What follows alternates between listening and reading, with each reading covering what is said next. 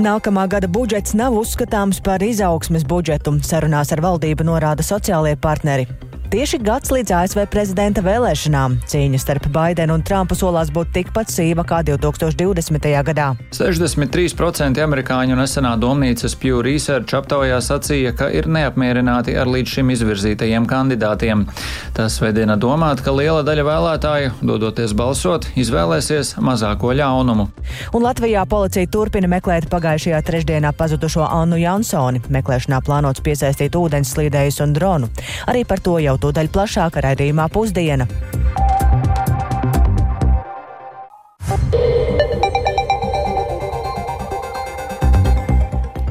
Divpadsmit un piecas raidījums pusdiena ar skaidrojumu par šīs dienas 6. novembra būtiskajiem notikumiem studijā Dāca Pēkšēna. Labdien!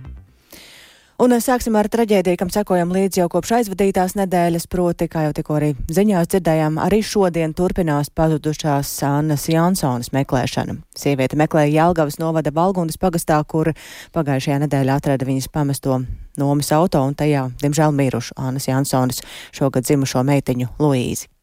Jaunāko informāciju šorīt ir skaidrojusi un ar policiju runājusi kolēģi Zanēniņa. Zani šobrīd studijā. Sveika! Un, jā, tik ļoti tiek gaidīts kādas jaunas ziņas, vai policijai ir izdevies eh, nonākt uz pēdām pazudušajai sievietei. Labdien, Dārcis, sveicināti klausītāji! Kaut gan meklēšana Jelgavas novada Valgundas pagastā turpinājās visu nedēļas nogali, un tajā iesaistīti ļoti plaši spēki, gan valsts policija, gan zemesardze, gan organizācijas bezvēsts LV un K9 SOS, kā arī sievietes tuvinieki, Anna Jansona vēl ar vienu nav atrasta. Par to, ko plānots darīt šodien, stāsta valsts policijas pārstāve Simona Grāvīte.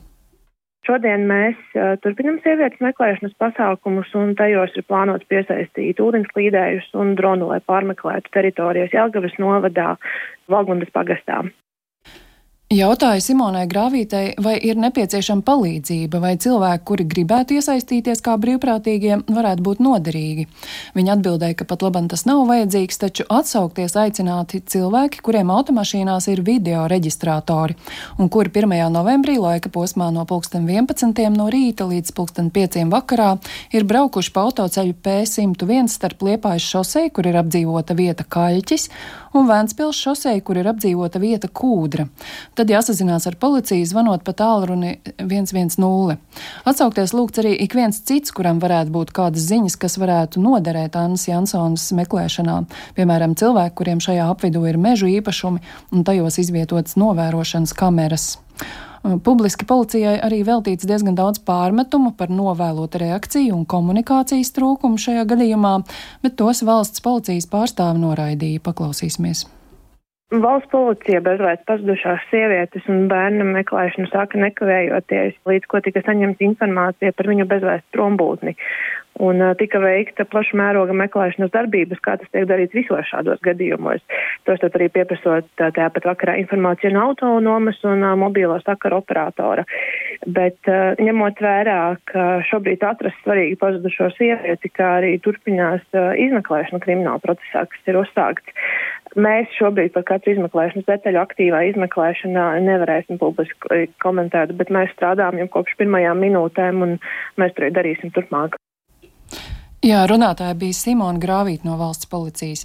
Viņa arī precizēja, tā kā automašīna ar mirušo zīdaini tika atrasta Jelgavas novadā, krimināla procesa uzsākts valsts policijas Zemgals reģiona pārvaldē, savukārt Annas Jansonas meklēšanā ir iesaistīti plašāki spēki. -hmm. uh, jā, sociālajos tīklos diezgan aktīvs ir um, Annas Jansonas vīrs. Vai ir zināms, um, kāds status lietā ir um, sievietes dzīves biedram? Es sazinājos šorīt ar Ansi Ansons vīru Jūriju Vertovski. Viņam lietā ir cietušā status, bet viņš arī aktīvi ir iesaistījies sievas meklēšanā. Un viņš pastāstīja, ka ir saņēmis ļoti daudz palīdzības piedāvājumu. Viņš teica, ka jebkāda veida palīdzība, ko vien varat iedomāties, reiz trīs. Cilvēku atbalsts esot tik liels, ka viņš jau jūtoties neveikli, jo apzinās, ka arī daudz citi zaudē tuviniekus.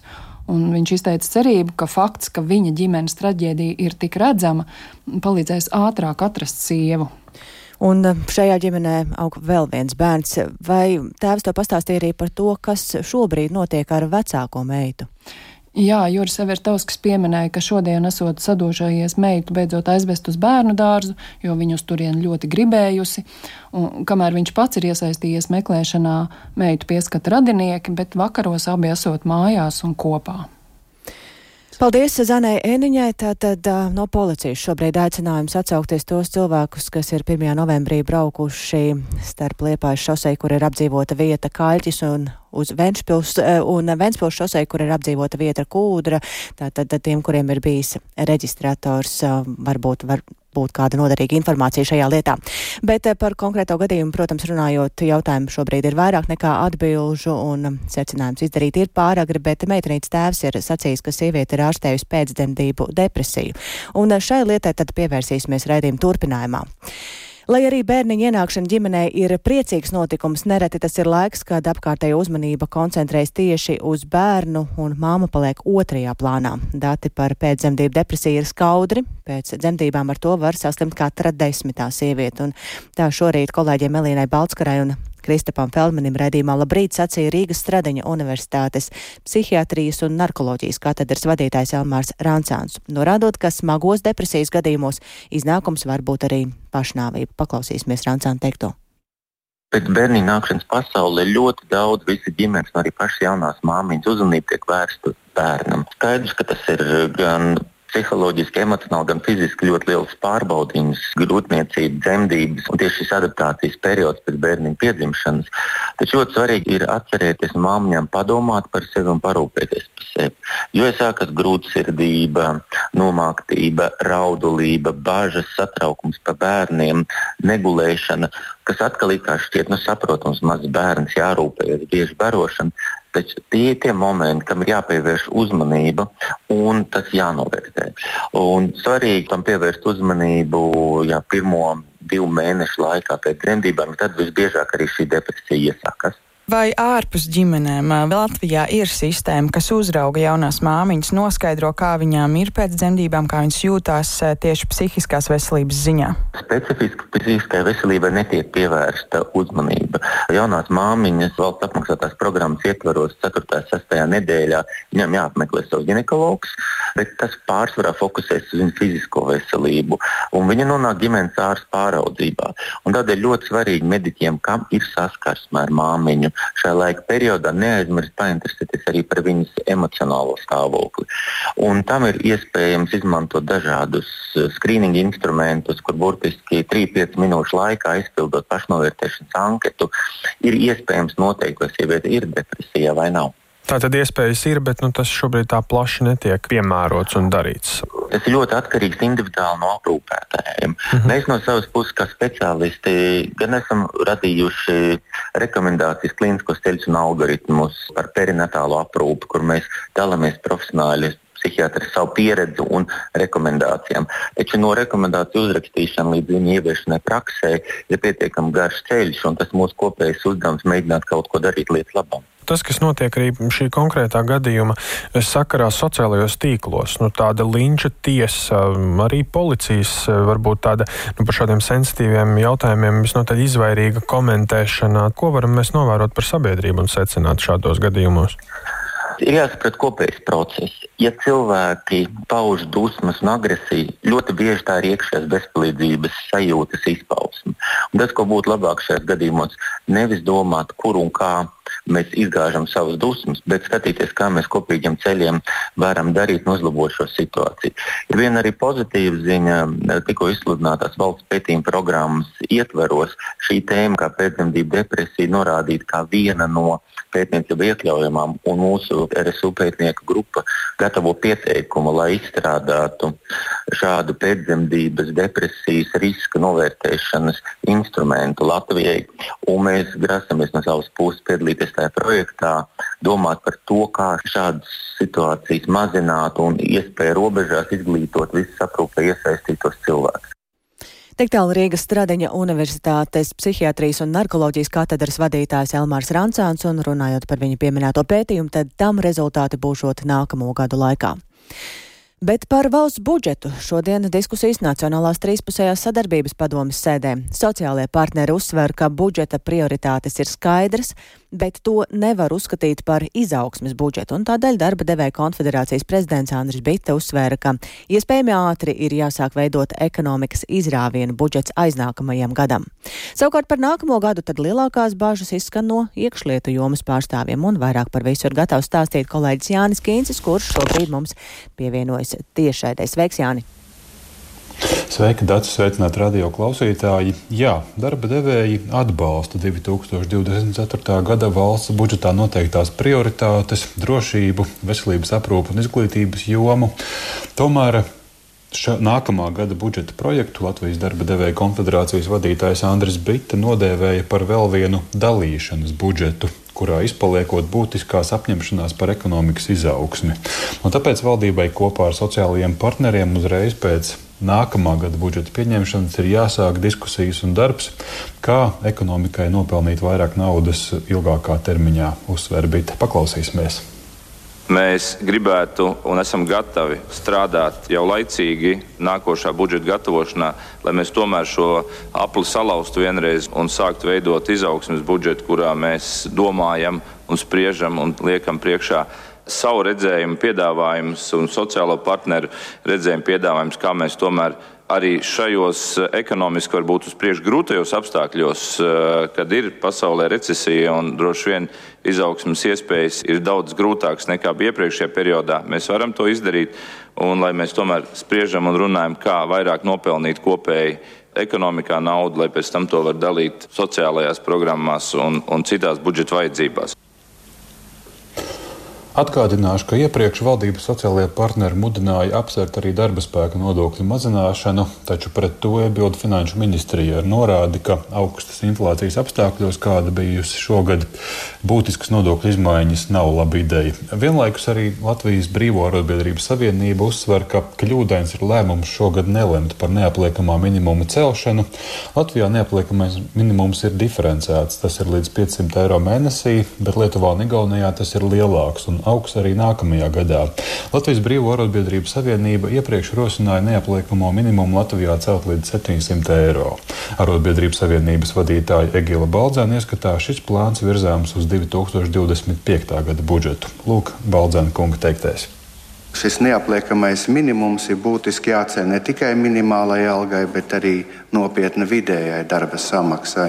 Vidējā darba samaksa ir ar krietni augstāku nodokļu slogu nekā Lietuvā un Igaunijā. Un, un šī situācija būtu jāmaina, lai mēs ne, neatbalstītu konverta algu teiksim, praktisku pielietošanu tiem, kuriem netiek galā ar saviem pienākumiem un varbūt veiksmīgāku uzņēmēju darbību.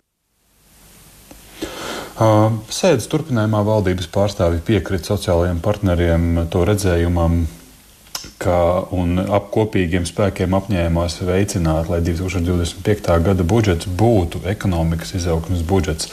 Premjera Evika Silī no jaunās vienotības, kā vienu no uzdevumiem minēja arī jaunu pašvaldību budžeta izlīdzināšanas modeļa izstrādi, lai veicinātu ekonomiskās aktivitātes novados.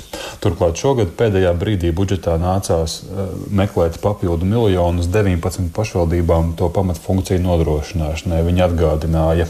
Un vēl noteikti jāpiemina arī, ka lai arī nākamā gada budžeta prioritāšu lokā minēta iekšējā un ārējā drošība, iekšlietu jomā ir aizvien augošas problēmas ar kadru trūkumu, kura pamatā ir atalgojuma atpalicība. To uzsvēra Latvijas iekšlietu darbinieku arotbiedrības vadītājs Armāns Augustāns. Viņš kā piemēru minēja, ka ugunsdzēsības un glābšanas dienestā algu pieaugums šogad ir bijis vidēji ap 30 eiro pēc nodokļu nomaksas, vai kā tā saka, uz rokas. Un līdzīgi tas paredzams arī nākamgad. Savukārt valsts policijā atalgojuma izmaiņas ir nedaudz cerīgāks, taču iekšlietu dienestos atalgojums vairākās pozīcijās ir pat trīskārt zemāks kā aizsardzības resorā. Tāpēc cerības par kadru pietiekami piesaisti ir naivas, atzina arī iekšlietu ministrs Rihards Kozlovskis no jaunās vienotības. Viņš gan atzina, ka esot sadzir, ka nozare esot sadzirdēta un turpmākajos trīs gados milzīgo atšķirību iekšlietu un aizsardzības dienestu atalgojumā izdošoties mazināt. Vienlaikus arī nākamā gada budžetā rezervēta papildus 10 miljonu eiro, kas paredzēti robežu apsardzībā, virsstundu apmaksai valsts robežsardzes un citu dienestu darbiniekiem. Tādas lūk galvenās diskusijas šajā šīs dienas sēdē valdības valdības pārstāvjiem kopā ar sociālajiem partneriem. Par detaļām vairāk arī programmā pēcpusdienā. Paldies Jānim Kīncim. Tātad tas par valsts budžetu, bet par notikumiem citviet pasaulē līdz nākamajām Amerikas Savienoto Valstu prezidenta vēlēšanām ir atlicis gads. Vēlētāju aptaujas liecina, ka cīņa tajā būs nemazāk saspringta kā pirms trim gadiem. Jauna vēlētāja aptauja liecina, ka bijušais ASV prezidents Donalds Trumps šobrīd ir priekšā pašreizējam Baltā nama saimniekam Džo Baidenam piecos svārstīgajos štatos. Tiesa situācija vēl var ne reizi vien mainīties. Plašāk stāsta Rihards Plūme. Kā liecina nedēļas nogalē publicētā laikraksta New York Times un Sienas koledžas aptauja, piecos svārstīgajos štatos ASV prezidents Džo Baidens no sāncenša Donalda Trumpa atpaliek. Runa ir par Pensilvānijas, Mičiganas, Džordžijas, Arizonas un Nevadas štatu. Tieši balsis no šiem štatiem Baidenam palīdzēja sakaut Trumpu 2020. gada vēlēšanās. Vismazākais pārsvars pār Baidenu Trumpam ir Pensilvānijā, kur viņš ir priekšā par 4% punktiem. Savukārt Nevadā Trumpa pārsvars sasniedz pat 10% punktus. Aptaujā kārtējo reizi izgaismojās vēlētāju bažas par Baidena vecumu. Proti vairāk nekā 70% aptaujāto sacīja, ka Baidens, kuram šomēnes apritēs 81 gads, ir pārāk vecs, lai kļūtu par prezidentu. Tikmēr tikai 19% atzina, ka 77 gadus vecais Trumps ir pārāk vecs šim amatam. Katrā ziņā abi politiķi ir divi vecākie prezidenta vēlēšanu kandidāti ASV vēsturē. Respondenti aptaujā arī sacīja, ka viņi dod priekšroku Trumpam Trumpam attiecībā uz tādiem jautājumiem kā ekonomika, imigrācija un Izraēlas un Hamas karš. Savukārt Baidenam vēlētāji dod priekšroku ar demokrātiju un abortiem saistītos jautājumos. Turpina laikraksta Washington Post kongresa jautājumu reportiere Marijāna Sotomajora. It's interesting to see just which parties are talking about age. Ir interesanti redzēt, kuras partijas runā par vecumu. Republikāņi par to nemaz tik daudz nerunā. Viņi zina, ka arī Trumps ir vecāks, bet nevarētu dzirdēt, ka republikāņu politiķi vai vēlētāji par to daudz runātu. Bet tā ir problēma demokrātu vidū. Viņi par to runā un ir radījuši to kā problēmu. Viņiem vienkārši nepieciešams izdomāt labu aizsardzības taktiku, norādot, ka Baidens vienalga ir spējīgs darīt šo darbu, jo tās ir leģitīmas bažas un bailes, kas vēlētājiem ir. Es domāju, ka daudziem šīs vēlēšanas būs kā 2020. gada vēlēšana atkārtojums, ja runājam par tēmām, kas vēlētājus visvairāk satrauc. Arī šoreiz numur viens noteikti ir ekonomika, bet no otras puses tas, kas ir jauns, ir abortu jautājums. Laikraksta New York Times komentārā teikts, ka pēc gada gaidāmās vēlēšanas būs svarīgākās kopš 1860. gada, kad Abrahams Linkolns tika ievēlēts par prezidentu, izraisot ASV pilsoņu karu. 63% amerikāņu nesenā domnīcas Pew Research aptaujā sacīja, ka ir neapmierināti ar līdz šim izvirzītajiem kandidātiem. Tas vedina domāt, ka liela daļa vēlētāju, dodoties balsot, izvēlēsies mazāko ļaunumu. Raidsabiedrība BBC vēsta, ka neskatoties uz pašreizējo vēlētāju noskaņojumu, vēlēšanu rezultātu var izšķirt negaidīti notikumi pašmājās vai citviet pasaulē, noslēdzot balsis ievērojami par labu vienam vai otram kandidātam. Viens no pavērsieniem, kas var ievērojami ietekmēt vēlēšanas, būtu kāda kandidāta nāve. Ja kāds no kandidātiem nomirtu tuvā nākotnē, partija varētu izraudzīties jaunu kandidātu, taču, ja tas notiktu vien nākamgad oktobrī, brīdi pirms vēlēšanām, kandidāta vārds vienalga parādītos vēlēšanu biļetenā. Saskaņā ar konstitūciju uz prezidenta amatu var kandidēt pat būdams miris, pat ja persona pēc tam uzvaras gadījumā nevar tikt inaugurēta. Bet, ja vēlēšanās uzvarējušais kandidāts nomirst pēc vēlēšanu dienas un pirms inaugurācijas, tad prezidenta amatā tiktu inaugurēts viceprezidents. Tāpat ievērojamas pārmaiņas vēlētāju noskaņojumā var radīt karš, proti kara eskalācija tuvojos austrumos, būtiskas pārmaiņas Krievijas karā ar Ukrainu vai kāda jauna kara izcelšanās. Nenoliedzami ainu var mainīt arī tas, ja Trumps, ņemot vērā daudzās apsūdzības pret viņu, tomēr nonāks cietumā. Liela daļa ekspertu gan norāda, ka tas ir maz ticams.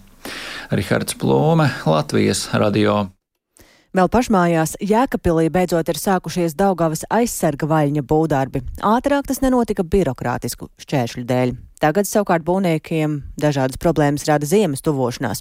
Iedzīvotājiem gan tiekot solīts, ka šie darbi dambju stāvokli neapdraudēs un arī to laikā dambjas aizsarga funkciju turpinās pildīt. Situāciju plašāk skaidro Sandra Paegļa Kalne. Pie Daugavas Jēkabpilī rūc traktori un vērojama strādnieku rosība. Beidzot pilsētā sākušies ilgi gaidītie Daugavas aizsargvaļņa būvdarbi. Lai gan līgumu par rekonstrukcijas veikšanu būvuzņēmējs Sijā Jēkabpils PMK parakstīja septembra beigās, aptuveni mēnesi pēc tam vēl notika saskaņošanas process ar iesaistītajām institūcijām.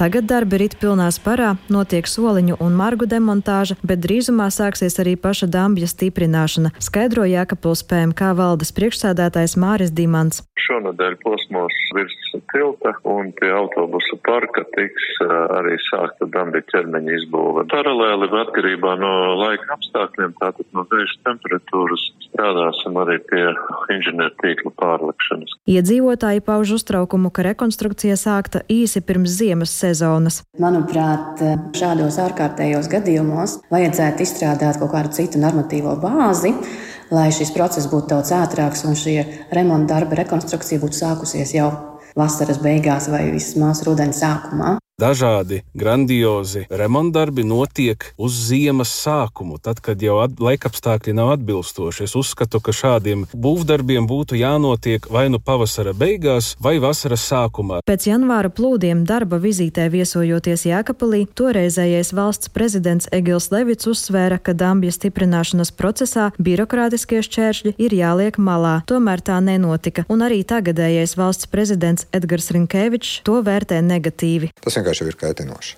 Labi, šobrīd es redzu, tie darbi notiek, bet um, tā bezjēdzība ir tāda, ka neviens vairs nevar pastrādāt, vajadzīgas lietas nevar izdarīt, un tad viss brīnās, kur tad ir palikusi tā uzticība valsts varai. Nu, kāda uzticība valsts varai, ja valsts var to vien dara, kā kavē kādu darbu? Laiks pagāja gan risinot finansējuma jautājumus, gan veicot nepieciešamos iepirkumus un citas procedūras. Tagad, kad ziema jau degungalā, būvnieks sastopas ar izaicinājumiem, skaidro Jēkabpils PMK vadītājs Māris Dimants. Ūdens līmenis Daugavā ceļās tāds tendence 5 cm diennaktī vidējā tendence ir. Mums netik daudz tas cels varbūt braucējiem, kā Daugavas ūdens līmeni. Mums ir jāatsūknē, jāstrādā ar dažādiem paņēmieniem. Tomēr būvnieks sola, ka darbu norise neapdraudēs aizsargvaļņa stāvokli, jo tiks darīts viss, lai tas turpinātu pildīt aizsarg funkciju arī būvdarbu laikā, skaidro Māris Dimants. Ja mēs kaut kādā posmā ķeramies, tad mums ir jāveic pilns cikls. Tātad jāsaliek geomateriāli, jāuzdara slīpums, jā, jāveic celisturīgā kārta, man virsū ir nu betona kārta, kā kurā vietā ir šo akmeņu bērums. Mēs nedrīkstam, teiksim, noņemt no nogāvis naudzemi un atstāt tā, ja uzvērt kaut kādu daļēju kārtu, nepabeidzot visu to pīrāgu, kas ir jāizveido. Daugavas aizsargvaļņa rekonstrukciju, kas izmaksās nepilnus 17 miljonus eiro, finansēs Eiropas reģionālās attīstības fonds, valsts un pašvaldība. Šobrīd nedaudz mainījies finansējuma sadalījums, jo centrālā finanšu līgumu aģentūra, izvērtējot projektu, ir noraidījusi Eiropas fonda finansējumu dažām sadaļām, skaidro Jēkabpils novada domas priekšsēdētājs Raivis Ragainis no Latvijas zaļās partijas. Mēs viņu izņēmām laukā no RF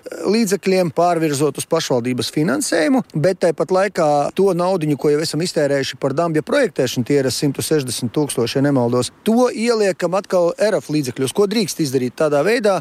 Šobrīd pašvaldības finansējums palielinās par 100 tūkstošiem, bet e, samazinās par 100 tūkstošiem eiro finansējums. Eiropas nauda netiek piešķirta tiem darbiem, kas nav tieši saistīti ar dambju stiprināšanu, piemēram, soliņu, atpūtas vietu un vides objektu izveidei. Šos rekreācijas funkcijai nepieciešamos darbus nāksies finansēt pašvaldībai. Sandra Pēgiļkalne, speciāli Latvijas radio Latgales studijai.